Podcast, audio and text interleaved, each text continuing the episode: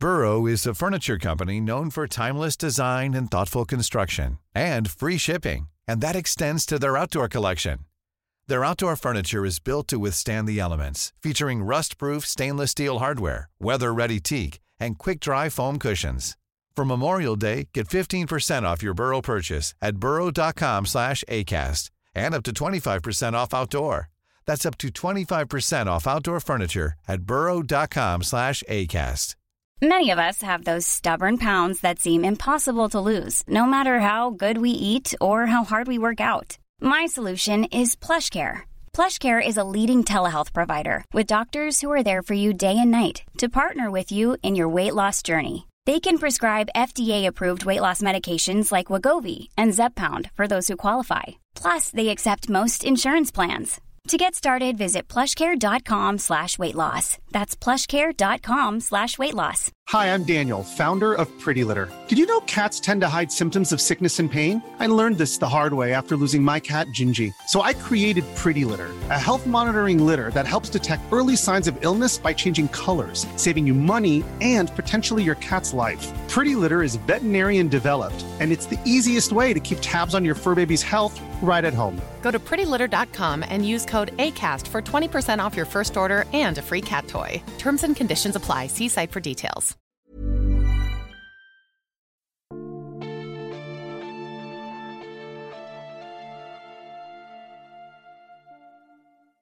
Välkomna till Sagan om Isfolket-podden avsnitt 18 Bakom fasaden Jag heter Dan och med mig har jag Anna Hej Anna!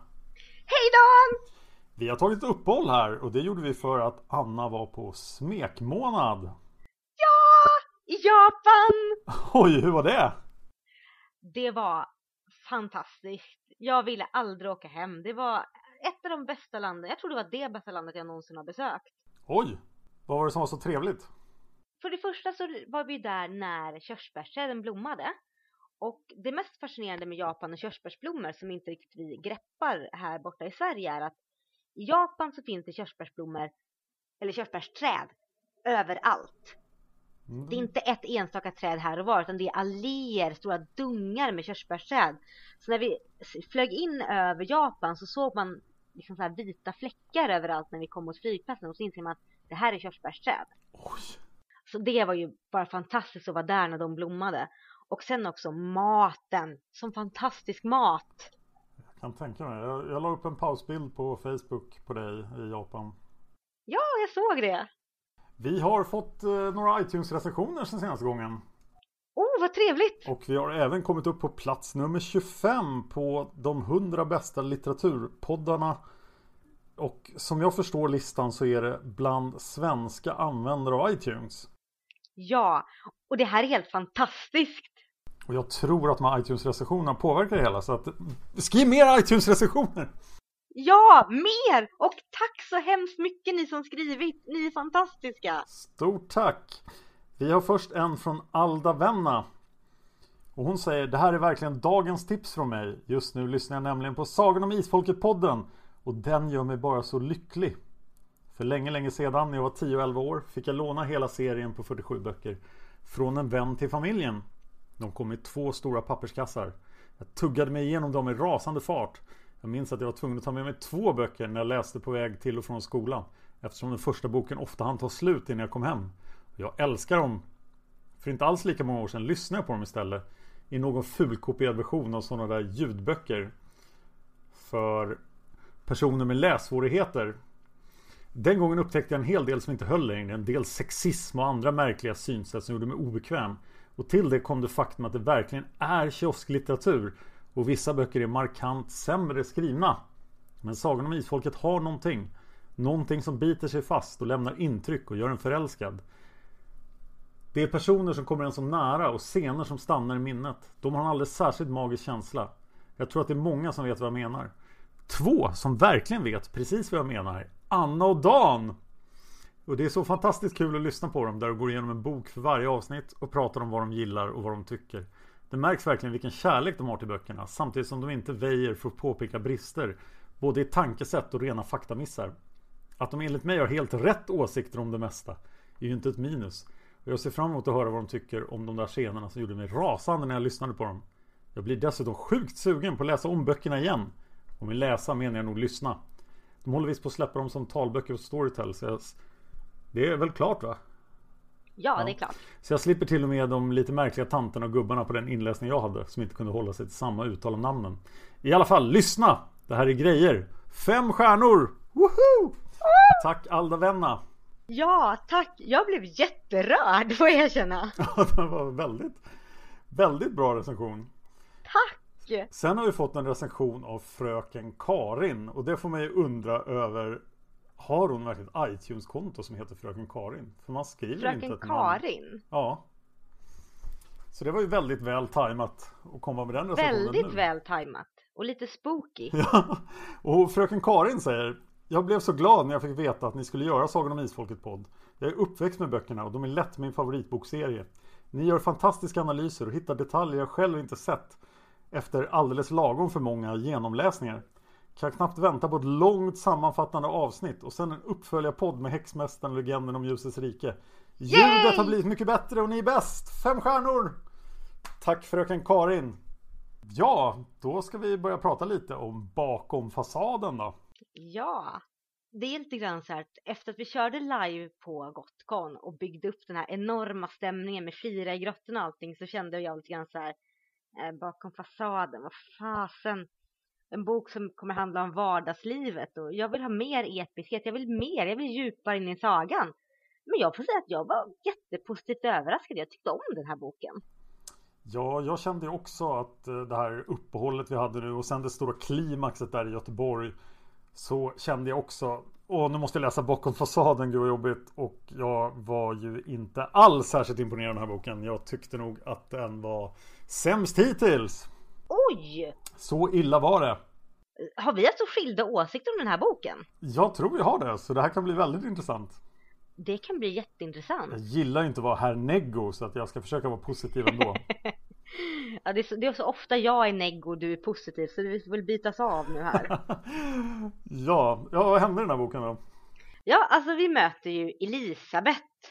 Då Elisabeth Paladin av Isfolket. Ja. Mm. Som är då, ska vi se här, dotter till Ulf Paladin som är son till Jon Paladin som är son till Ulf Hedins, Ulf Hedins sonson dotter vi möter här. Det stämmer. Jag läste delar av den här boken högt för min stackars fru. För Jaha. att ta mig igenom den och då ersatte jag konsekvent Ulf Paladin med uh, Uffe. Uffe. Då blev det lite roligare. Ja, fortsätt. Uffe Paladin. Ja, tack för den. Nu kommer jag bara tänka på det. Ja, det var bara mm. Uffe. Jag strök Paladin. Okej, Uffe. Ja. Eh, Elisabeth är som de flesta kvinnor av isfolket väldigt, alltså hon är cool. Tycker jag. Men jag mindes henne som rätt eh, blek och tråkig. Jag mindes knappt ens den här boken får jag erkänna. Och det är en av de få böckerna jag faktiskt inte har hemma så jag var tvungen att låna den på biblioteket.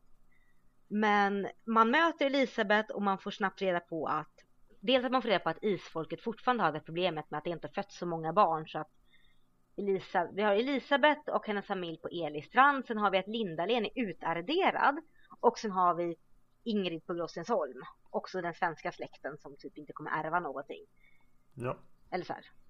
Men Elisabeth eh, kommer liksom in i den här historien med dunder och brak. För hon är en jättefärgstark personlighet. Hon är läkkunnig. Så mycket som en kvinna kan vara på den här tiden.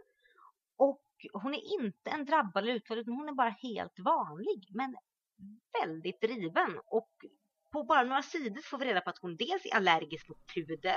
Ja, det var ju lite roligt faktiskt. Ja, jag tror det är första allergin vi har i hela Isfolket-sagan. Ja, eftersom jag är ganska allergisk så kände jag mm, sympati. Ja, tyckte det verkar jättehemskt och hon är verkligen född i fel århundrade.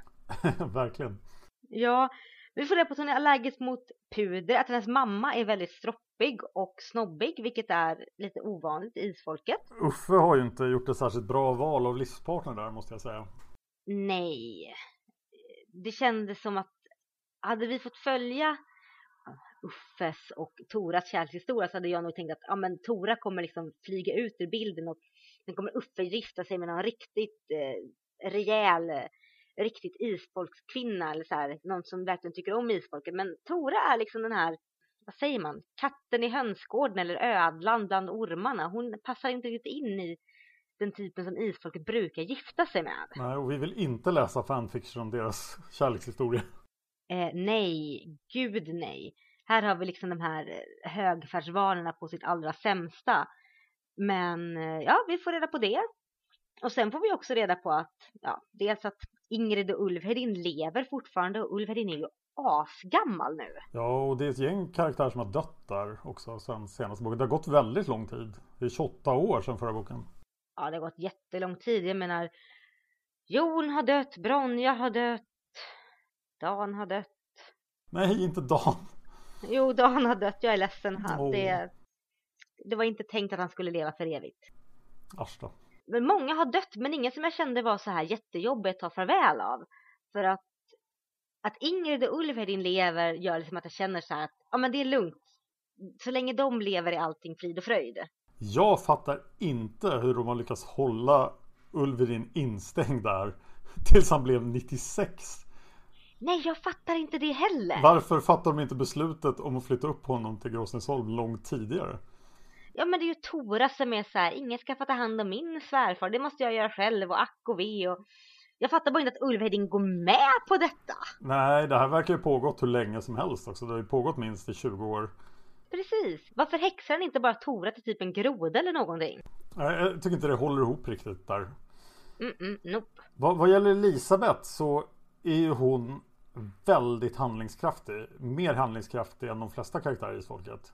Ja, det är väldigt sympatiskt. Annars har hon ju Hon har vuxit ut ur någon slags typisk isfolksmall. Hon är ju lite Cecilia, lite Ingrid, lite Sol. Fast utan några magiska varianter.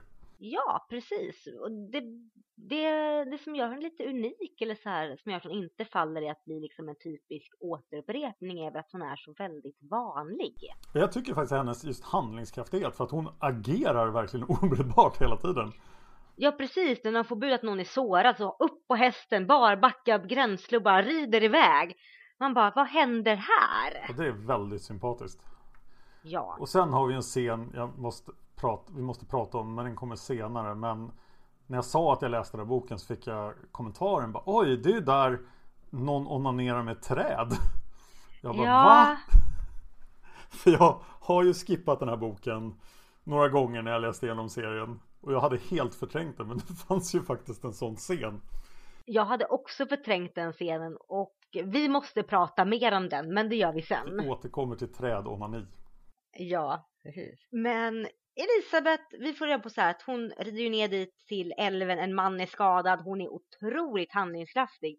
Jag har sett folks skuldror gå ur led. Jag har också sett när folk har fått dem tillbakadragna. Och det brukar vara att folk är så här, nu trycker vi försiktigt här och så drar vi lite här. Och Elisabeth verkar bara typ, tryck, dra! Ja. Handlingskraftig kvinna.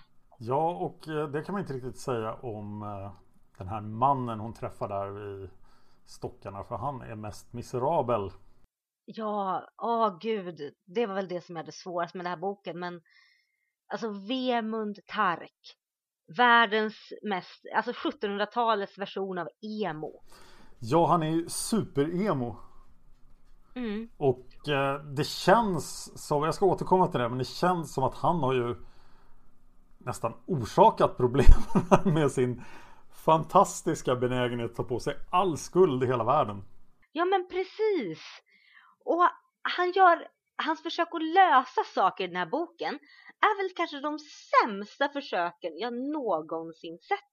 Och jag förstår inte vad han tänker, hur, liksom, hur han tänker att det här ska funka, eller flyga. För att det är bara så här, men det här är ju en jättedålig lösning. Ja, jag vet, men det är det enda. Nej, det är inte den enda lösningen. Det finns tusen andra lösningar som är bättre än vad det är vad han gör. Han är inte lösningsorienterad.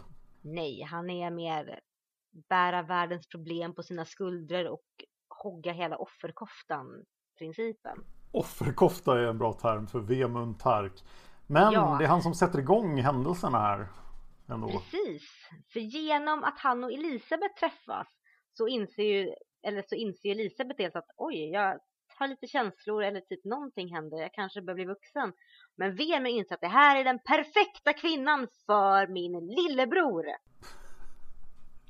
Ja, Alltså, och, och så kan vi bara prata om att lillebror genom hela boken heter Lillebror. Ja, Lillebror Tark, den charmante, den vackra. Ja, detta blir jätteförvirrande för mig för att min moster har en hund, en stor gigantisk vit schäfer som typ når mig till midjan, som också heter Lillebror. Är den vacker? Den är jättevacker. Och den lyssnar på andra säger åt den att göra. Den... Nej, den springer i motsatt riktning. Det är så att... Ja, jag trodde schäfrar var lydiga. Ja, inte om de är jättestora vita schäfrar som tycker att världen är fantastiskt härlig och inser att ingen annan kan hålla i dem. Mera direwolf alltså. Ja, faktiskt, det är en direwolf. Jag måste inflika att jag har en liten hund vid fötterna som jag råkade, jag råkade inte stänga till mitt kontor så att hon var här inne. Men nu sprang hon ut så lyckades jag stänga och nu tittar hon på mig och ser väldigt sviken ut. Nå. Så nu gick hon i vägen. ja, det är inte lätt med hundar. Ja, tillbaka till Vemund, Elisabeth och Uffe. Och lillebror. Ja, då blir det ingen Uffe mer. Nej. Elisabeth då som den här handlingskraftiga kvinna hon är tycker väl att fast alltså ska jag borde inte jag få att säga mig jag gifter med och hennes föräldrar bara nej eller hennes pappa säger jo alltså ja hennes mamma säger tyst nu bra parti Elisabeth tycker fuck off och det är väldigt mycket för att de har den här fina gården Lekenäs i Kristiania. ja precis och det jag tycker är lite sant just att de trycker väldigt mycket genom hela boken på att Lekenäs är en jättefin gård och det här hade varit ett bra parti för Elisabeth. Vilket tydligt visar hur långt isfolket faktiskt har, inte fallit, men halkat ner på statusskalan om vi ser från Dag Maidens tid när de var liksom det crème de la crème i socknen med omnejd. Ja, och det, det känns fel. Det känns konstigt och dessutom känns det inte som någonting jag tycker att Ingrid Ulfvedin skulle tillåta. Alltså, jag förstår inte varför inte Ingrid Ulfvedin som är så starka personligheter varför inte de styr verksamheten. Ja, det tycker jag också lite konstigt att inte de är familjeöverhuvuden. För nu har vi ju Uffe som tydligen är familjeöverhuvud i Norge som inte alls känns som en sån person. Men min teori är att Inger Ulvedin vill inte vara familjeöverhuvuden. De vill vara i fred. Ja, men varför vill Ulvedin vara i fred på vinden? Till det där? Jag har ingen oh. aning. Det känns så olikt honom att han sitter där och bara så här ja, ja, någon gång kanske jag får komma upp till Ingrid, då kan vi umgås igen, men tills dess sitter jag här. Ja, det är 20 år sedan sist jag fick gå ut. Jag hade väl kanske förstått det om det i, att det var så att Elisa hade gått bort i den här boken, men det var jättelänge sedan hon dog. Ja, förstås. Ja, för att isfolket blir gamla och Elisa var inte isfolket, men det känns så konstigt att Ulvedin bara sitter och tar det. Dessutom har vi ju haft en lång tradition av att den som är äldst har bestämt saker. Are, Liv. Så Are och Liv styrde och ställde hela släkten. Ja precis och sen hade vi liksom Sen hade vi Brand som styrde och ställde Vi hade Mikael Och sen hade vi ni, ja, vi har massa och så plötsligt så har vi de två stycken äldsta isfolket Ingrid och Ulvedin som plötsligt inte får ha något sig i någonting alls.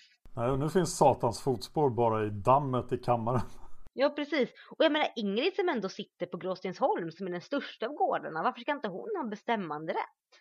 Ja, konstigt är det. Och det känns som att jag, jag får, man får ju den känslan i vissa isfolkeböcker att det här är en historia som är skohornad in i isfolksagan. Mm. Och det här, jag tycker att den här boken hade varit bättre som en, en bok i Sandemo-serien. Ja. För att den för ju inte sagan framåt alls. Förutom att de kanske får några barn sen som hör hemma i släkten. Liksom. Men det är ju inte kanske det. Det. det här har ingenting med isfolket att göra. Och det hintas ju lite grann att åh, förbannelsen har dött ut och Ulvhärdin bara fast jag tror inte att den har gjort det. Nej, för draksådden! Drakens tänder är redan sådda! Ja! Precis, dum, dum, dum. Kan vi prata om den boken istället? Nej, det gör vi inte. Det ska vi göra sen. Åh, Men det jag vill... ja. Men det här som du sa att den skulle hem, höra hemma i Sandemo-serien som en fristående bok. Jag håller helt med dig. Och den, så jag står fortfarande för att jag tycker den här boken är jätte, jätte, jättebra.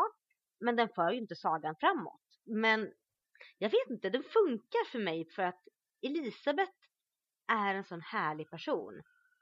Och för att vi får se Ulfhedin och Ingrid vara gamla för jag menar de flesta drabbade som vi känner och har lärt känna i sagan har ju dött av jättetidigt. Vi har aldrig fått se dem riktigt gamla och trolliga som vi får se dem här. ja, de här två trollen på Gråstensholm är några av ja! mina favoriter i Isfolksagan. Jag, ja. jag gillar ju bägge två skarpt men de är, de är som bäst när de är urgamla och sitter på Gråstensholm och... Va? Nu ska vi trolla här. Undrar vad som händer nu? Ja, det är jättebra. Ja, det vill vi läsa fanfics om hörni kära lyssnare. Mm, men nu måste vi prata om, ja, vi måste gå bakom fasaden och fortsätta. Ja, och bakom fasaden så började det då med att Vemund då, förutom att fria till Elisabeth för sin lillebrors räkning som man inte har pratat med om det här giftermålet men tydligt så kan man göra så ändå på den här tiden. 1700-talet levererar. Men förutom det så har han ju även en dambekant han vill att Elisabeth ska hjälpa till att ta hand om. Ja. Fröken Karin. Fröken Karin. Mm. Och det är också sån där grej som är lite konstigt att en högättad, eller okej, Elisabeth är inte jättehögättad men att en flicka av isfolk ändå släpps iväg för att vara kammarjungfru åt en, åt en äldre dam. Jo men det tror jag var ett relativt vanligt arrangemang där. Det känns väldigt 1700-tal det här. Du, du får ett jobb som ja, hålldam och sen ska vi gifta bort dig. Så det, det tycker jag känns helt korrekt. Jag är nog bara inte van att se en isfolket-flicka förut i den här rollen. Det har vi inte sett sen Cecilie liksom. Nej, men eh, det Elisabeth gör det ju bra. Hon gör det jättebra. Det är det jag tycker om med Elisabeth här är att hon, förutom att vara så handlingskraftig, också har en väldig människokännedom. Definitivt. Det är det jag tycker är så intressant med Elisabeth också. Hon känns äldre än vad hon är, men hon känns inte som hon är för gammal för att vara den åldern hon faktiskt är. Nej. Hon känns som hon har otroligt mycket livserfarenhet och bra slutledningsförmåga. Samtidigt som hon får vara en flicka som precis har börjat bli lite småkär. Ja.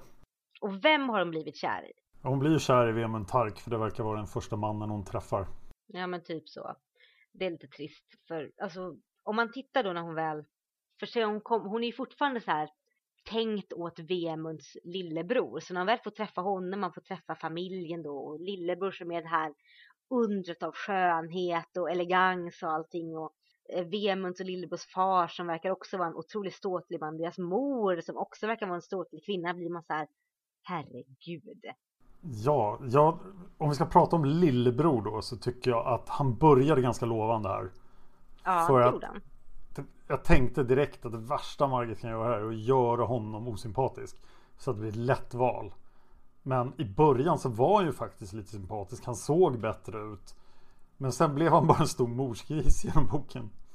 Ja men precis och det, det är ett väldigt snyggt grepp det känns konstigt faktiskt när man efter hennes första möte med Lillebror att hon fortfarande är känslig för Vemund. För till och med jag tyckte att i så fall så varför ska du ta den uppenbarligen skitotrevlige, osympatiske, visserligen snygge killen istället när du kan få den sympatiska och snygge lillebrodern. Jag, jag, blev så besviken för jag hade verkligen hoppats på att det skulle vara någon slags svårighet i det här valet och hon skulle välja kärleken verkligen. Men till slut valde hon ju bara bort en, en otrogen kvinnotjusande morsgris. Och det är inte ja. så svårt. Även om Vemund är ett emo och dålig på att lösa problem så var han ju väldigt mycket mer sympatisk än sin lillebror. Ja. Så där fanns ett potential som inte blev uppfyllt. Nej men det började bra. Ja, det började bra. Jag måste säga att jag är väldigt svag, det ska jag säga med en gång. Jag är svag för den här typen av mysterie, mysteriedetektivberättelser. Ja, och jag tycker vi har sett det göras bättre tidigare i sagan än vad det är här. Men jag ska komma tillbaka till det också. För vi måste väl då träffa fröken Karin. Ja, fröken Karin. Vem är denna kvinna? Ja, och varför är hon med på så många sidor i boken? jag tycker hon är rätt, okej okay, hon är inte sympatisk men hon är en intressant karaktär. Hon är en karaktär vi inte har sett innan. Nej, det har vi faktiskt inte. Det har du helt rätt i. Så för mig var hon en lite frisk fläkt. Visserligen väldigt förvirrad frisk fläkt, men ändå någonting nytt. Och så som varande ny karaktär så kunde jag ändå, så blev det intressant att se hur Elisabeth fungerade i, i eh, kombination med henne. Ja, jag, jag blev mest irriterad på henne. Och så tyckte jag att hon tillfrisknade alldeles för lagom. Det var i och för sig lite, nu hoppar jag händelserna i förväg, men hon är ju så fruktansvärt dåligt skick i början. Ja. Och sen, det går lite för lätt tycker jag. Om hon nu är så väldigt, och jag köper inte det här mentala blockeringen heller. Vad, vad är diagnosen här? Jag tycker hon, hon är bara jobbig. Och sen när det passar så blir hon frisk. Jag får väl hålla med dig där, det går väldigt fort på slutet. Lite osannolikt fort. Och det sympatiska är väl Sofie Magdalene då, den här bebisen och, och kärleken till den och så. Det, det tyckte jag var bra. Mm. Men speciellt på slutet när hon är så fruktansvärt chockad av att ha träffat Bobby igen och och sen helt plötsligt så bara, äh, nu tar jag ansvar och räddar Vemund. Så haha, nu är jag frisk. Och blir jättevältalig. Ja, det, det funkar inte riktigt grann. Det känns som att det behövs byggas upp, eller det byggs upp väldigt bra. Vi får reda liksom mycket på att hon, hon har inte alla hästar hemma i kanoten. Nej, hon har ju inga hästar hemma i kanoten. Hästarna är långt från kanoten. Hästarna är väldigt långt från kanoten och det är någonting, och vemen är bara, det är någonting hon inte får minnas. Du får inte prata om de här grejerna, men jag säger inte varför. Och ta inte ut henne och gör inte det här. Och man förstår att här är en person som mår, som har något slags djupgående trauma som inte blivit hanterat. Hon tror att hon typ är 14, hon tror att hon väntar på sin fästman som ska komma tillbaka ikväll. När alla runt omkring säger att fast du är inte 14, du är typ 45-50 och din fästman kommer förmodligen aldrig komma tillbaka. Och det är ändå intressant att just hennes, eh, vad säger man, sinnesförvirring eh, porträtterat på ett sånt här sätt i den här åldern är väldigt intressant. Okej, på vilket sätt? Jo, för att vi har ju sett en del, Margit har ju en svaghet, en väldigt fin svaghet tycker jag, att ta in karaktärer som inte är normen. Vi har liksom till exempel Villemo som räddar alla de sinnessvaga. Vi har Halterpinken. Åh, Halterpinken. Vad hände med Halterpinken? Jag måste veta. Men vi har inte fått in någon fanfic om det än. Nej. Vi väntar på det. Ja, Margit är ju bra på att teckna trasiga karaktärer. Precis. Och det här är ju, om jag inte minns fel nu, så är det här första gången vi ser en kvinna som är väldigt, väldigt, väldigt trasig. Och det jag tycker är intressant är att hade, att som kvinna porträtteras som, att, eller att ha en kvinna som uppenbarligen är väldigt sinnessvag i den här tiden på 1700-talet som ändå, som går och väntar och drömmer om någonting, eh, sätter sätter fokus mycket både på liksom det här med ohälsa, psykisk ohälsa hos kvinnor och också liksom det hur någon, hur en nu går jag händelserna i förväg igen men det kan inte hjälpas hur man förstörs genom att inte få en ordentlig undervisning om vad en, vad en relation innebär. Ja. Och hennes öde är Förstår ju... du hur jag tänker? Ja, det förstår jag. Och hennes öde är ju tragiskt romantiskt på något sätt. Mm. Ja, ska vi återgå till handlingen? Var var någonstans? De träffar fröken Karin. Ja. Och Elisabeth börjar vara där i huset och hjälpa henne och sådär. Och hon träffar ju också familjen Tark då. Ja. Och det är, inte ens jag kan ju på något sätt säga att man inte anar att det är någonting jävligt skumt med den här familjen. Mm. Inte bara för att Vemund har hintat om att familjen är skit och jag hatar dem, utan man inser att, att någonting stämmer inte här riktigt. Nej, det kan man ju lugnt säga. Och jag, jag tycker att alla tre vuxna, eller vad man säger, de tre äldre i Tark-familjen är inte bra karaktärer. Alltså pappan som ju ändå verkar ha en del försonande drag. Han tycker fortfarande om Vemund och sådär. Han får aldrig en upprättelse, han blir bara en skurk. Mm. Som är helt dominerad av mamman som känns väldigt mycket som en Margit Schablon. Emily Tark. Hon är bara, ja så här, jag är, lyckas fortfarande vacker fast jag är 63 men jag är genomond, haha. Ja men precis, som blir en slags karikatyr av en kvinnas önskan att alltid vara ung och vacker. Men det absolut värsta var ju kusinen. Ja! Han var en så tydlig skurk från första gången man såg honom. Och det var nästan fat-shaming där på honom. Han var, så här, han var vacker men nu har han blivit fet. Han hade korvstoppade fingrar. Och liksom, han bara dröp Margit skurk om honom. Ja precis, jag hade nog tyckt bättre om honom om han varit typ en här, så här sett helt normal ut. För då hade det inte varit så uppenbart att det stod, stod en stor skylt om som blinkade skurk! Ja, Skurk! han var som en skurk i en Musse Pigg detektivmysterie. Man ser direkt på honom. Okej, okay, han är en skurk. Han har hand ekonomin. Han har försnillat pengar. Det kommer att bli ett problem. Ja, men det enda som fattas är att han hade liksom gick runt och puffade på en stor cigarett då och då. Liksom, typ, eller typ klappade en vit katt. Någonting sånt där. En fet vit katt. ja, precis. Ja, ja. men eh, jag, ja, och det, det känns som man redan förstår från början att det här kommer inte gå. De här människorna är inget trevliga. Hon kommer inte gifta in sig där. Nej, och vi får också här den här lilla planteringen vi fått, får fått av att Elisabeths mamma Tora är väldigt snobbig. Den kommer ju igen här att hon bara Oh, du har ett vackert namn och fint namn så man blir igen lite Jag fick en stor aversion mot den där. Jag bara, nej men gud. Fast det var roligt när Elisabeth började säga att hon var förstinna. Det ja. ja. Och då mindes man de gamla dagarna med Alexander Paladin och sådär. Så då blir det nostalgi för mig. Men jag tycker det är väldigt mycket karikatyr i den här boken. Det är väldigt många karaktärer som bara har en egenskap. Men däremot tycker jag vi hittar sympatiska karaktärer hemma hos fröken Karin. Ja, det gör vi. Ja, det är så mysigt där. Det är bara strunta i Lekenäs. Bara häng hemma hos fröken Karin. Ja, men precis. Framförallt då doktorn, doktor Hansen, som jag tycker så otroligt mycket om. Han var jättebra.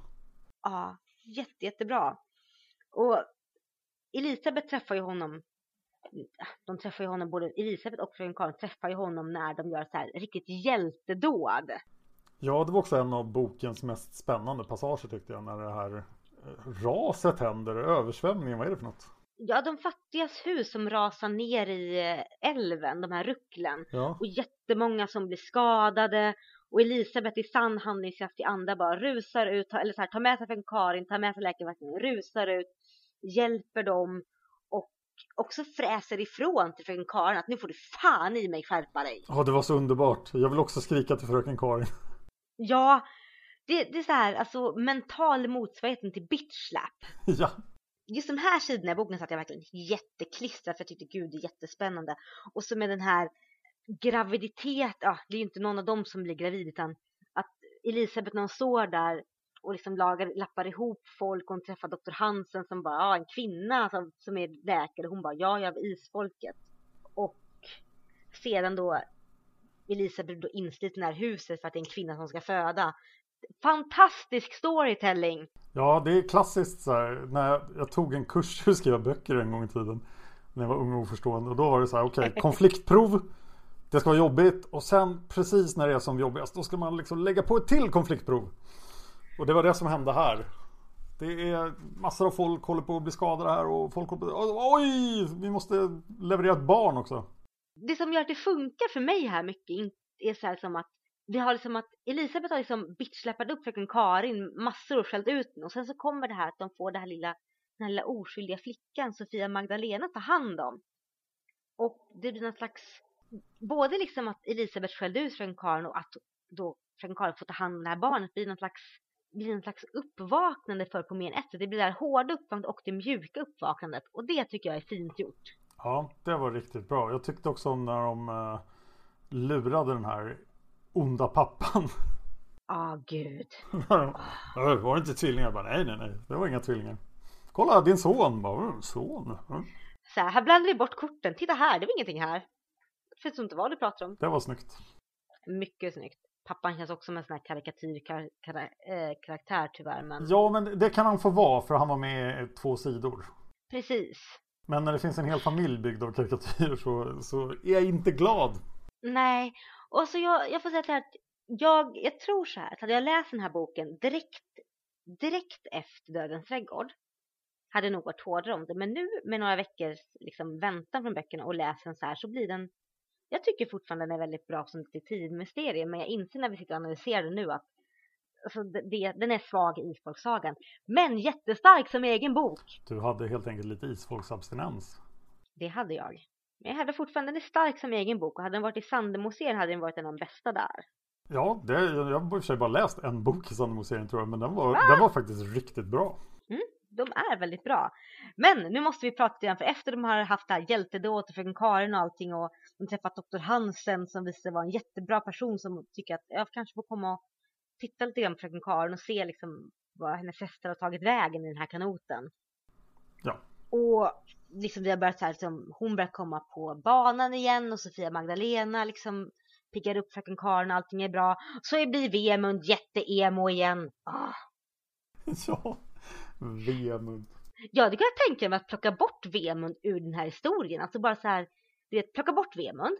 Och sen vi kan ta historien med fokus på Elisabeth och fröken Karin och hur Elisabeth löser museet med fröken Karin och hela familjen Tark. Och sen kan Vemund typ, jag vet inte, alltså bara plocka bort Vemund. Ja, han känns nästan som ett så obligatoriskt love interest för Elisabeth. Precis. Att det måste finnas någon hon kan bli kär i. Så att här har vi någon, den, den minst odugliga av alla hon träffar på. Ja, precis. De har någon slags så här, det finns ett slags test på nätet som, är, som riktar sig mot kvinnor i film. Ja. Eh, så här att om du har en film där det är en kvinnlig karaktär med som är så onödig. Se om du kan byta ut henne mot en lampa och se om det gör någon skillnad för handlingen. och Vemund skulle nästan gå att byta ut mot lampa. Han bär lite ved. Han är emo. Ja. Och han sitter på alla hemligheter utan att berätta dem. Ja precis, man hade kunnat liksom få in det här med att Elisabeth kom och tog hand om fröken Karin och träffade familjen Tarp på ett helt annat sätt i och med att de ändå är en högadlig familj och Elisabeth behöver ändå ha en friare. Så det hade kunnat gå. Men Vemund i den här boken för mig är en lampa. ja, han är en lampa som ibland släpper ut en ledtråd när han är full. Ja, och den scenen. Kan vi prata om hur pinsam den fyllescenen är? Innan vi kommer till den vill jag bara nämna, för jag tycker de förtjänar att nämnas. Eh, frök, är de fruar eller fröknar? Vågen och... Eh, Fru Vågen. Ja, vad heter den andra? Åkersork? Åkerström? Åkerström. Ja, de två.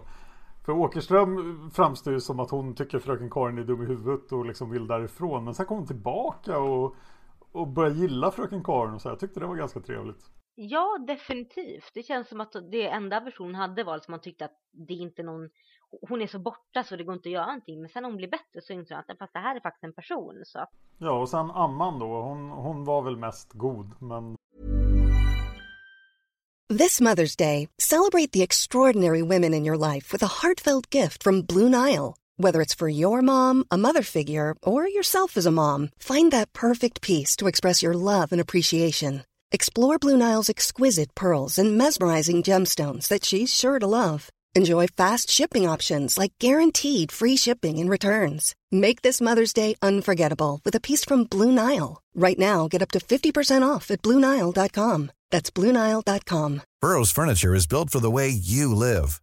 From ensuring easy assembly and disassembly to honoring highly requested new colors for their award-winning seating, they always have their customers in mind. Their modular seating is made out of durable materials to last and grow with you. And with Burrow, you always get fast, free shipping. Get up to 60% off during Burrow's Memorial Day sale at burrow.com slash ACAST. That's burrow.com slash ACAST.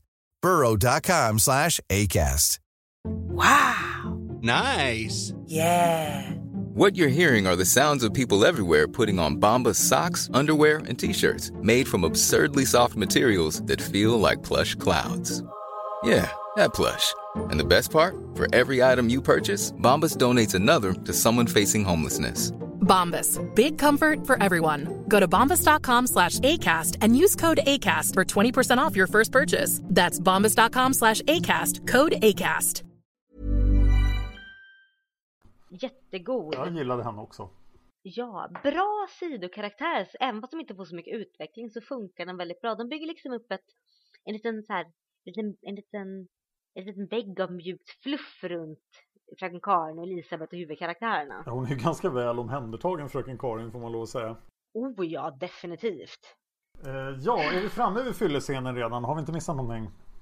Um, fyllescen, nu ska vi se här. Är onani mot träd senare? Just det, den kommer direkt efter det. Den kommer direkt Mm. efter. Ja, det är fyllescenen som orsakar denna träkättja. Ja, precis. Hon gör något besök uppe hos familjen Tark och bara så här. Ja, hon har inte varit i Boden heller. Nej, men hon, de, de, eh, hon gör ett besök hos familjen Tark.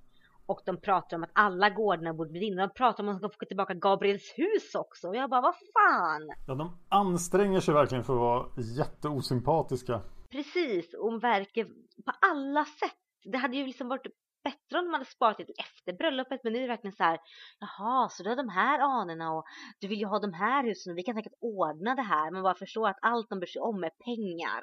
Ja. Och då vet de inte ens att de är utfattiga. Nej, precis, utan de vill bara ha mer och mer. Vilket är ännu mer osympatiskt för att giriga människor som bara vill ha mer och mer och mer. Det är... Äh. Ja, och de, de blir så värdelösa. Kunde de inte ha fått några försonande drag?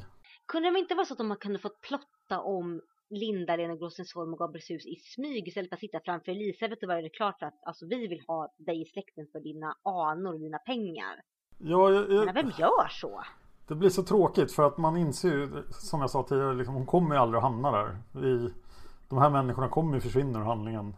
Precis, jag menar även fast Tora säkert vill ha in i den familjen skulle ju aldrig Ulf eller Ingrid eller Ulf Hedin någonsin tillåta henne att gifta in sig i en sån vidrig familj. Men kan inte Tora gifta sig med lillebror? Faktiskt ja, så får jag bort henne. Okej, fyllescen. Du får börja. Ja, jag vill bara säga att Uffe måste ju vara både full och blind och döv när han bestämde sig för att gifta sig med Tora. Ja. Okej. Vemund är full, vilket han verkar vara ibland. Jättefull och på brännvin också. Bara. Ja, han har alltså druckit ett helt krus med brännvin. Det är rätt starkt, eller hur? Ja, han har dragit en 75 typ. Wow! Han är överraskande vältalig för att vara plakatfull. Ja, det kändes inte som att han var så jättefull, men det kanske han var då. Och emo. Jätteemo. Jag har massa problem. Elisabeth bara, vi kan säkert lösa dem. Ja, fast nej, jag förtjänar ingen lösning. Och Elisabeth bara, jag tycker om dig. Jag tycker om dig också. Men nej, jag är för ovärdig. Man bara, skärp dig! Ja, det känns som man behöver några örfilar. Ja, kan inte Elisabeth skälla ut honom istället? Alltså jag tycker fröken Karin behövde visserligen utskällning, men Vemund behöver typ en dubbelt så stor utskällning som fröken Karin fick. Det är många som behöver utskällningar i den här boken. Ja, Så, och då någonstans där så övergår han till att tafsa våldsamt på henne istället. jättevåldsamt. Och det blir jättekonstigt och det blir någon slags så här eh, halvtänd scen som slutar med typ att han är för full och typ bara äh, du måste gå för jag är aspackad. Ja, det var så här, och vi pussas lite sen bara tuttar. Ja, man bara, vad, vad hände? Och bara så här, han bara, åh, så nu jädrar. Och Elisabeth bara, åh, vad händer? Och man bara, Men det här med att han var för full. Det kändes ju nästan som att han att det syftade till att han blev impotent. Jag tänkte på det också. För först tänkte jag när jag läste, jag bara, men nu spyr han, men han spyr inte. Men jag trodde också han skulle spy. Ja, han typ han hängde fram över sängkanten, men jag tolkar det som att han får inte upp den. Och då gick det ju längre än vad texten sa. Ja, men det kanske bara var så att han kände, det kanske bara var så att han kände att fast jag vill fast kroppen vill inte. Ja, det här var ju ganska obehagligt. Ja. Uh. Han är inte så sympatisk, Vemund. Nej, det är bara hans otroligt dåliga konkurrens som får dem att framstå som ett bra parti här. Ja. Åh, jag kom på ett argument till vad som ligger i hans fördel. Okej. Han är en klassisk bad boy. Fast är han så bad? Han är väl bara gnällig? Ja, ja, men du får tänka så här, jag menar, du får tänka så här att han, han är gnällig och han är emo. Men det är lite grann den nya tidens bad boy. De är så här, så här jag har en mörk hemlighet jag inte kan säga eller dela med någon. Sen är ju Vemen väldigt mycket mer eh, extrovert med att han är gnällig och har en hemlighet. Men han är ju fortfarande den här, han är fortfarande lite rå i käften och lite så här bortstötande och sådär. Så han är ju fortfarande en, har alla dragen av en bad boy med lite emo-drag. Ja, och så är han väldigt fysisk och råbarkad. Och han ser fortfarande väldigt bra ut. Men inte på något så här fint tillrättalagt sätt. Nej, utan lite så här. eh, Så man kan ana en rå glimt i honom lite grann. Alltså jag, jag kan förstå lite grann för Elisabeth faller för honom. Förutom typ att, ja okej, han är ju enda alternativet men han har ju säkert några fina sidor. Säkert. Och, och de kanske kommer fram i senare böcker. Det hoppas vi, Om vi har tur. om vi har tur. Ja, men Elisabeth blir påverkad av det här ändå då. För alla tjejer vill ju egentligen att man ska kasta sig över dem bara. Och trycka händerna över bröstet och typ trycka till. För det är det alla tjejer vill och går igång på. Ja, så pass att de inte kan gå hem utan att onanera mot ett träd. Alltså jag, jag tänkte igenom den scenen så många gånger. Och min enda tanke är, alltså man får ju, alltså hon måste ju få en flisa någonstans. Ja, jag tror steg ett i trädonani är att undvika barrträd. Ja. Eh, Steg två. Hitta ett träd med hyfsat slät bark men med strategiskt placerade knölar. Eh, Fick vi någonsin reda på vad det var för träd? Nej, det tror jag inte. Ska, jag ska dubbelkolla här. Jag slår i boken och ser. Så, så om man är tillräckligt upptänd här då så, så kan, man, kan en kvinna alltså gnida sig mot ett träd till orgasm. Jag vill säga att jag är lite skeptisk till det här. Inte för att jag någonsin har provat men för att det känns väldigt så här. Om någon av våra lyssnare har provat det här så vill jag att ni svarar och berättar det. Det vill vi jättegärna. Eh, jag är lite skeptisk just för jag tror att dels att man har så mycket kläder på sig och dels för att jag menar om det är ett slätt träd så är det bara typ som att gnida sig mot en vägg och det gör inte så jättemycket. Och om det är ett träd med knölar så kommer ju det göra lite ont. Och är det skrovlig bark, är det slät bark eller vad är det? Ja, det verkar lite eh, osannolikt. Fast Klaus kunde ju rida ett träd och få orgasm på det viset. Och det förstår jag inte riktigt heller. Och det låter direkt livsfarligt. Ja, vad... Det är någonting med isfolket och träd. Tydligen. Ja, men det är intressant. Men min enda grej är så här att med alla de kläder hon har på sig Ja, så kan det inte kännas så mycket. Och om det är så som drog upp kjolen, då måste de fått en flisa någonstans. Och det känns, det får jag bara akuta smärtkänningar av. och jag måste göra, jag googlar sex med trän. Gör det! Eh, Det är en parafilia, en sexual interest in objects. Okej. Man kan även ha den känslan för eh, spyor Äh. och tänder. Eh, Nej, den, dendrophilia is the sexual attraction of trees. To trees and other large plants. Men hon är inte attraherad av trädet. Hon använder ju trädet som en, som ett substitut för att hon egentligen vill ligga med Vemund. Ja, jag ska inte klicka på bildlänken här. Nej, Nej, gör nu det lägger inte. ner där. Japp. Men det som är intressant med den här scenen också är att det här är ytterligare tillfälle när det går ut med att beskriva en kvinnlig onaniscen utan att det blir väldigt eh, skämskuddeaktigt. Här var det mer bara mot ett träd alltså. Oh fan, men det funkar ju fortfarande. Ja, tydligen ganska bra. Ja, och det är liksom så här ett vackert ögonblick för henne och det är lite så här lite jobbigt för att hon har blivit vuxen och liksom har, har hett blod men det är fortfarande trevligt. Men under resten av sitt liv kommer Elisabeth att skämma ut sig på Jag har aldrig leken. ja, oj oj oj. Det är intressant. Hon bara, fan ta ni trädfrågan igen så blir jag, ni tog trädfrågan igen. Typiskt. Fan. Typiskt.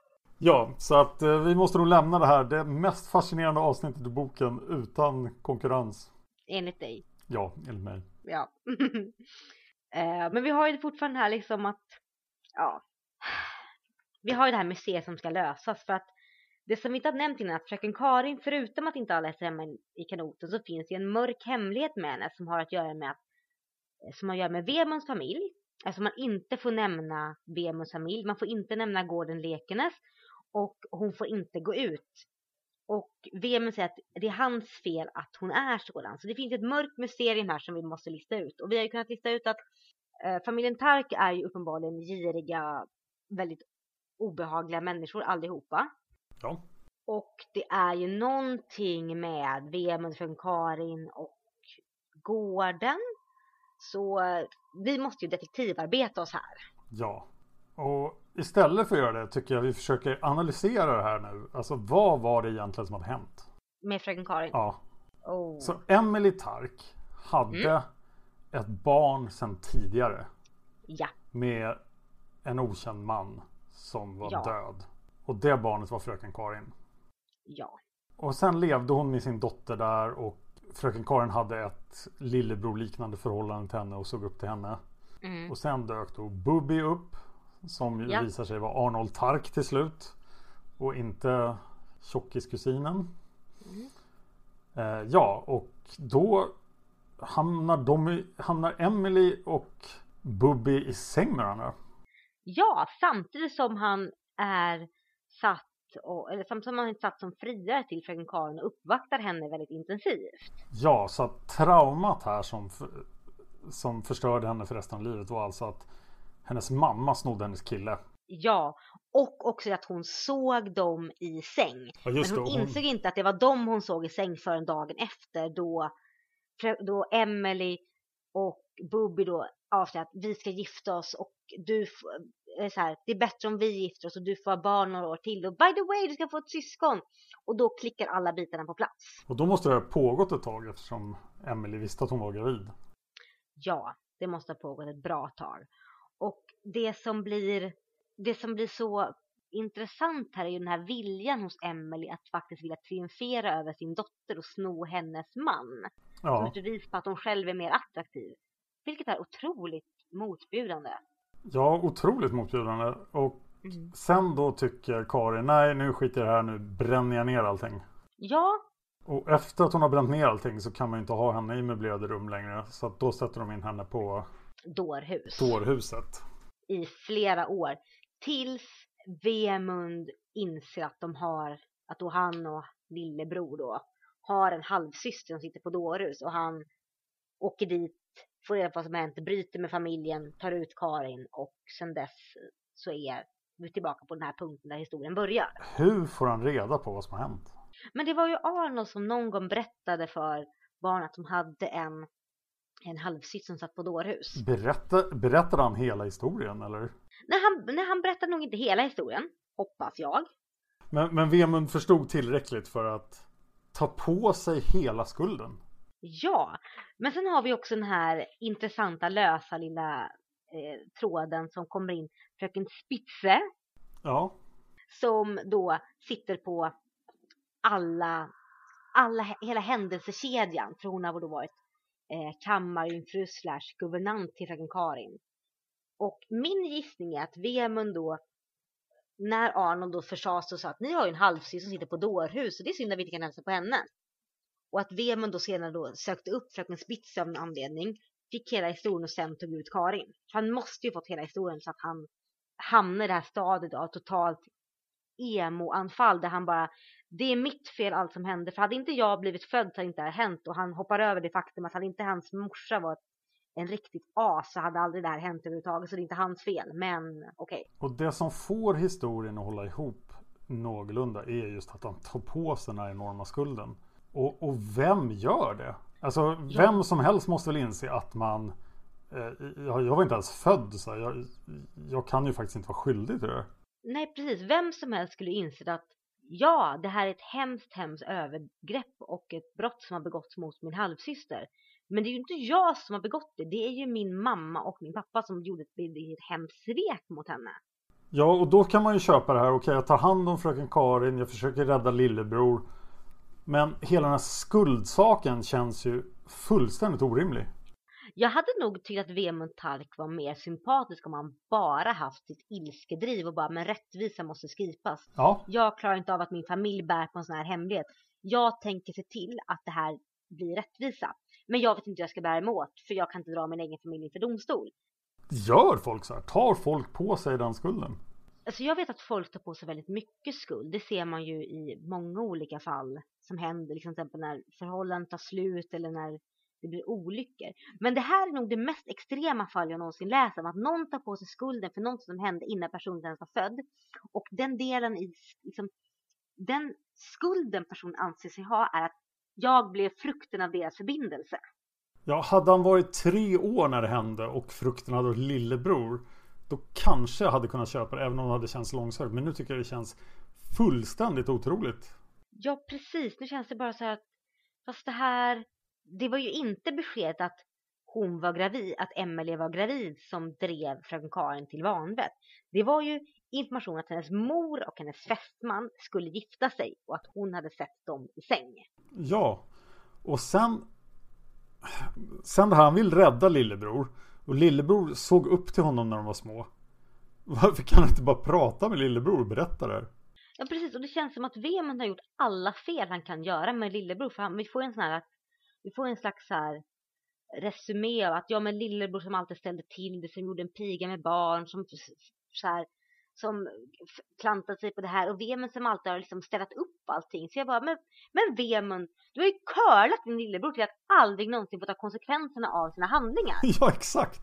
Det är din skuld i det här. Du har, du har genom ditt agerande, genom att försöka skydda din bror, gjort honom till en riktigt bortskämd, arrogant skitstövel. Ja, Den skulden kan jag ta att han har, men det tänker han inte alls på. Nej, och nu ska han eh, utsätta stackars Elisabeth för den här lillebror han har skapat. Precis, och han vet ju om att lillebror är en arrogant människa som inte är felfri. Och så träffar han en tjej som han tycker jättemycket om och verkar jättebra och han säger ju att du och din far Elisabeth, ni är de bästa människor jag träffat. Jag bara, men ska du straffa den bästa människan du träffat med ditt as till bror? Vad är det här? Ja, och som Elisabeth säger till Vemund också, att du bryr dig ju bara om fröken Karin och lillebror, men bryr dig om mig? Och det är ju så. Alltså, han, jag, jag tycker han är direkt osympatisk här. Ja, och sen så klarar jag inte av den här grejen när folk aktivt säger jag tänker dö efter det här. Jag bara okej. Okay. Ja, han är så jobbig! Ja, och det är sån jag tycker det är lite emotionell utpressning när folk går och säger men jag tänker gå och dö nu. Jag bara ja men alltså skärp dig! Ja, det är obehaglig detalj. Mm. Jag, jag vill slänga in något positivt nu för nu känner jag mig så negativ. jag gick också till negativt så det är okej. Är det någonting mellan fröken Karin och doktorn? Ja, gud ja. Men det kommer aldrig till sin spets. Nej, det, det är en av de här största grejerna jag tycker väldigt bra med boken. Att deras relation, doktorn och fröken Karins, den trycks inte i ansiktet på oss till skillnad från familjen Tark. Utan den bara ligger i underkant. Det är som en, liksom en mjuk slinga med fiolspel som bara dyker upp och som bara ligger med. Och plötsligt märker man att den har funnits hela tiden. Den är jättefin. Det är så här, de håller handen lite och doktorn säger jag bryr mig också om dig. Ja, precis! Det är jättefint. Det var den stora kärlekssagan i den här boken. Ja, som sagt. Vemund hade kunnat vara en lampa för mig. Det hade varit bättre om han varit en lampa. Har jag omvänt dig nu eller är du fortfarande glad i boken? Nej, jag tycker fortfarande om boken. Jag tycker boken är mycket bättre än vad jag tänkte. Men det är bara för Elisabeths skull. För jag älskar Elisabeth. Och jag, sen också, jag är en sucker för deckarmuseer. Mycket för att jag aldrig lyckats lista ut dem förrän typ det står mitt framför näsan på mig. Och jag, jag, tycker det är en bra bok. Men jag tycker att Vemund är en rätt jobbig person. Jag måste säga en till positiv sak faktiskt. Att det här slutet där allting bara händer samtidigt. Det är ju mm. det alla författare vill skriva. Det här är ju, jag ska, jag har tio sidor kvar i min bok. Jag vill ha ihop alla trådar. Och så helt plötsligt finns det en anledning att Ingrid Ulvedin har gjort det här. Så att, ja. så att det går att göra så. Det finns en förklaring. Det tyckte jag var ganska snyggt. Ja, det är jättesnyggt hoptrocklat. Det är verkligen så här, man ser verkligen Maggie sitta och skriva verkligen bara, men hur, åh jag läser upp det så här. Och alltså insikten om att Ingrid och Ulver sitter och häxat ihop sig på Grossingsholm och jag kan bara se den så här hysteriskt fnittrande liksom så här, det här är jättekul. Det gör ju, det gör hela boken för mig. Jag hoppas, vi får, se, jag hoppas vi får se jättemycket mera av trollen på Gråstensholm. Ja, jag älskar Ulvhärin och Ingrid, de är fantastiska. Ulvedin får aldrig dö!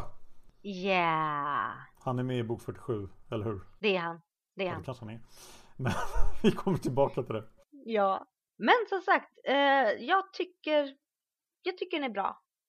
Jag, jag tycker den har sina brister, men historien om Fröken Karin och Elisabeth, om deras relation, den griper mig väldigt mycket.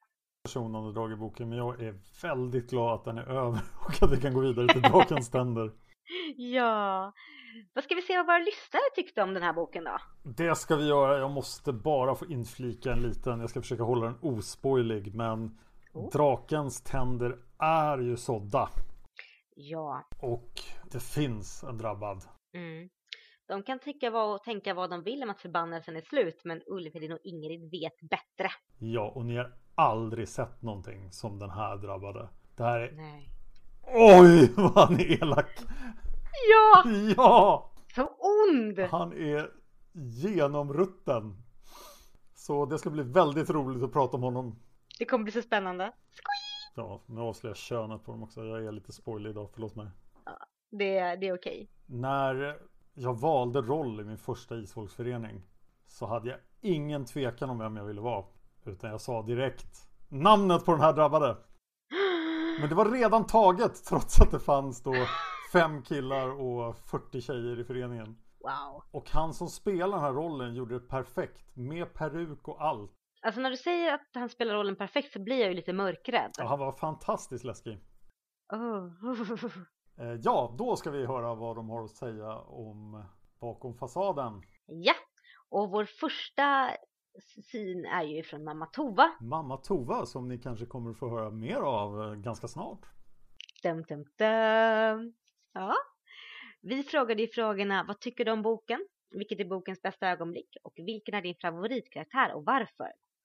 Och mamma Tova svarar så här. Denna bok var full av saker som fick den feministiska delen med att omväxlande hurra och omväxlande kräkas. I övrigt fånig kiosklitteratur.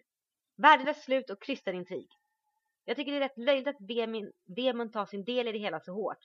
Okej, Sam blev till den gången som Karin kom på sin mamma nuppades med Karins fästman. Men inte som att det befruktade ägget hade någon del i skulden.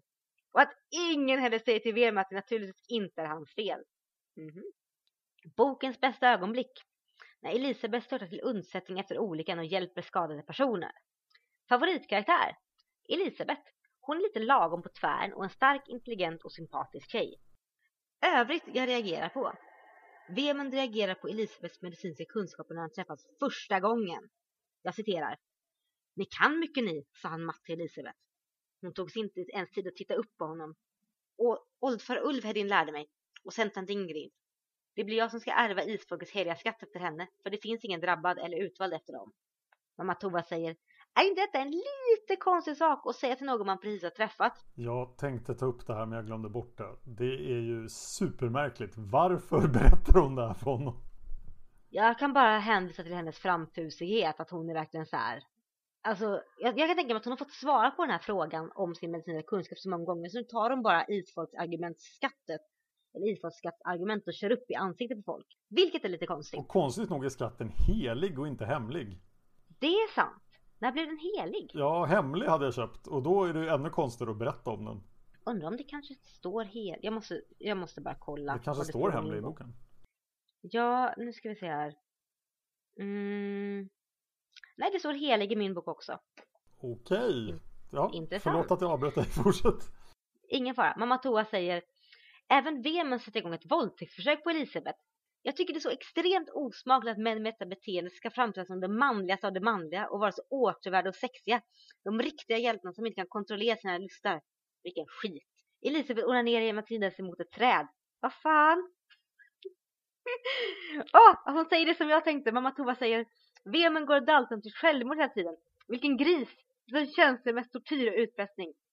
Håller med. Roligast citat från Ulvhedin. Jag citerar. Och jöje mig. Va? Säger han så? Det missade jag. Jag med. Jag tror jag förträngde det. Ulvhedin gick från ascool till typ, jag vet inte riktigt, byfåne. Vad hände? Han kanske säger det jätteont. Åh, jöje mig. Nästa synpunkt kommer från Silje Arngrimsdatter.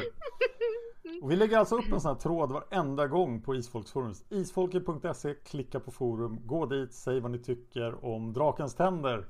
Precis, och ni kan också hitta tråden på vår Facebook-sida om Isfolket-podden. Ja, Silje säger Första gången jag läste serien var detta en av mina absoluta favoritböcker. Nu förstår jag inte vad jag tänkte. Jag undrar vad Elisabeth ser i Vemund. Som när jag var en romantisk ung flicka så tyckte jag han var jättefin. Men jämfört med henne är han ju en svag karaktär. I motsats till resten av Tark-familjen är han inte osympatisk. Den stora, stora skandalen verkar lite för tunn för att få sådana konsekvenser för Karin och Vemund. Jag tycker i övrigt många i den här boken uppträder motsatt av hur de har blivit beskrivna. Vad är Elisabeths förlägen? Alltså, vad var hennes blyghet? Mm. To Tora verkar mer snobbig och tanktom än varmhjärtad och omtänksam. Ja det stämmer ju, de är inte alls så som de beskrivs i början. Nej det är sant. Vilket är bokens bästa ögonblick? Först och främst när Elisabeth störtar iväg för att hjälpa dem i olyckan som den äkta ifolkskvinnan är. Också hennes samtal med Ulvheden och Ingrid. Mm. Favoritkaraktären är Ingrid och Ulvheden. Äntligen ett par drabbade som är riktigt gamla och som fortsätter leva livet till fullo. Kan bara föreställa mig de två luringarna hittar på på Gråstensholm. Annars är Elisabeth en sympatisk person som är lätt att tycka om. En liten slutkommentar. Jag har lagt märke till att Margit avskaffade norska adeln 50 år för tidigt. Oj! På den tiden boken utspelade sig så blev folk fortfarande adlade. Det gäller bland annat en av mina förfäder. Hoppla! Oj, fick vi en fel och miss där och det har vi väldigt lite av så det var bra.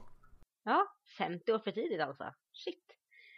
Vår sista synpunkt kommer från fröken Anna-Maria som skriver Den här boken hörde inte till mina favoriter när jag läste serien de första gångerna. Det händer ju inget speciellt som för isfolkhistorien vidare.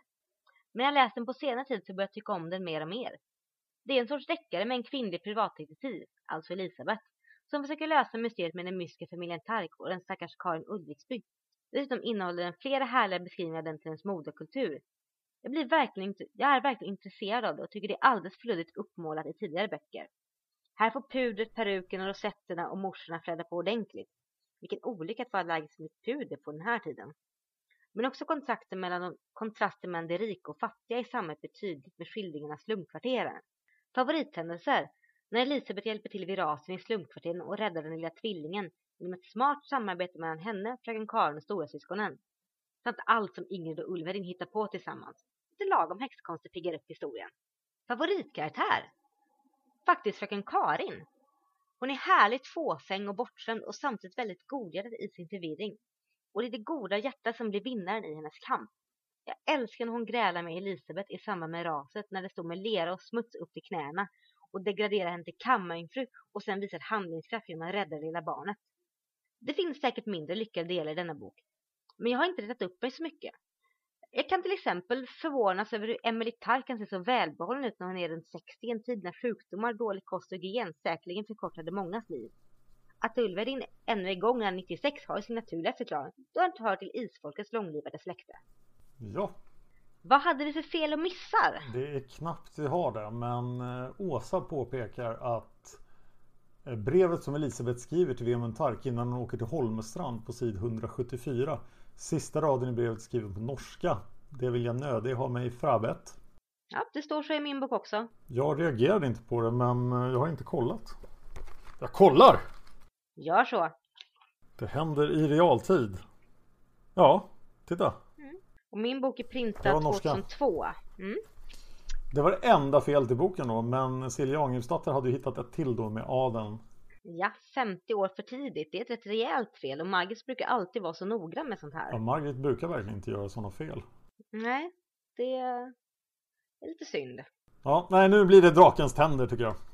Ja, draken sen till nästa gång och då får vi verkligen bädda upp. Då har vi ett episkt, eh, en episk historia att ta oss an med. Ja, Mm. det har vi verkligen.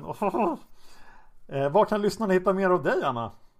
Eh, man kan hitta mer av mig på min blogg setsunaseras.blogspot.se Jag bloggar om allt möjligt, om feminism, antirasism och söta kattungar. Och om ni går in där nu kan ni hitta mitt inlägg från när jag var i Japan. Och få reda på vad jag gjorde där, förutom all mumsig mat. Jag finns på Twitter under Anna Seras och jag har även en Facebook-sida som heter Setsuna Seras som man jättegärna får gå in och gilla. Och Dan, vad kan man hitta mer av dig? Jag finns på Facebook som Dan Hörning då. Det finns ingen annan som heter det. Jag finns på Twitter som Dan Horning. Och eh, ja, just nu handlar mitt liv mycket om min podcast Palmemordet då, som har blivit en fantastisk succé. Det fanns ingen annan podd som riktigt behandlade det ämnet seriöst och det finns väldigt många människor som är väldigt intresserade av det här mordet. Har jag märkt.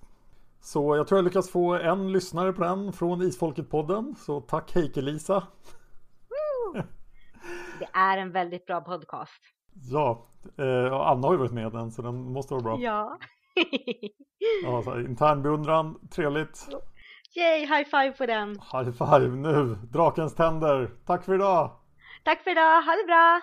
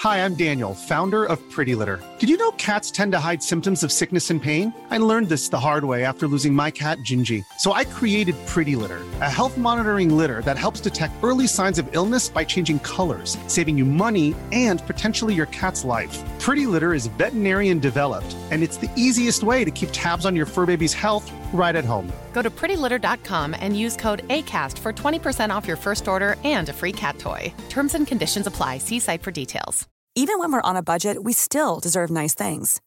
Quince is a place to scoop up stunning high end goods for 50 to 80% less than similar brands.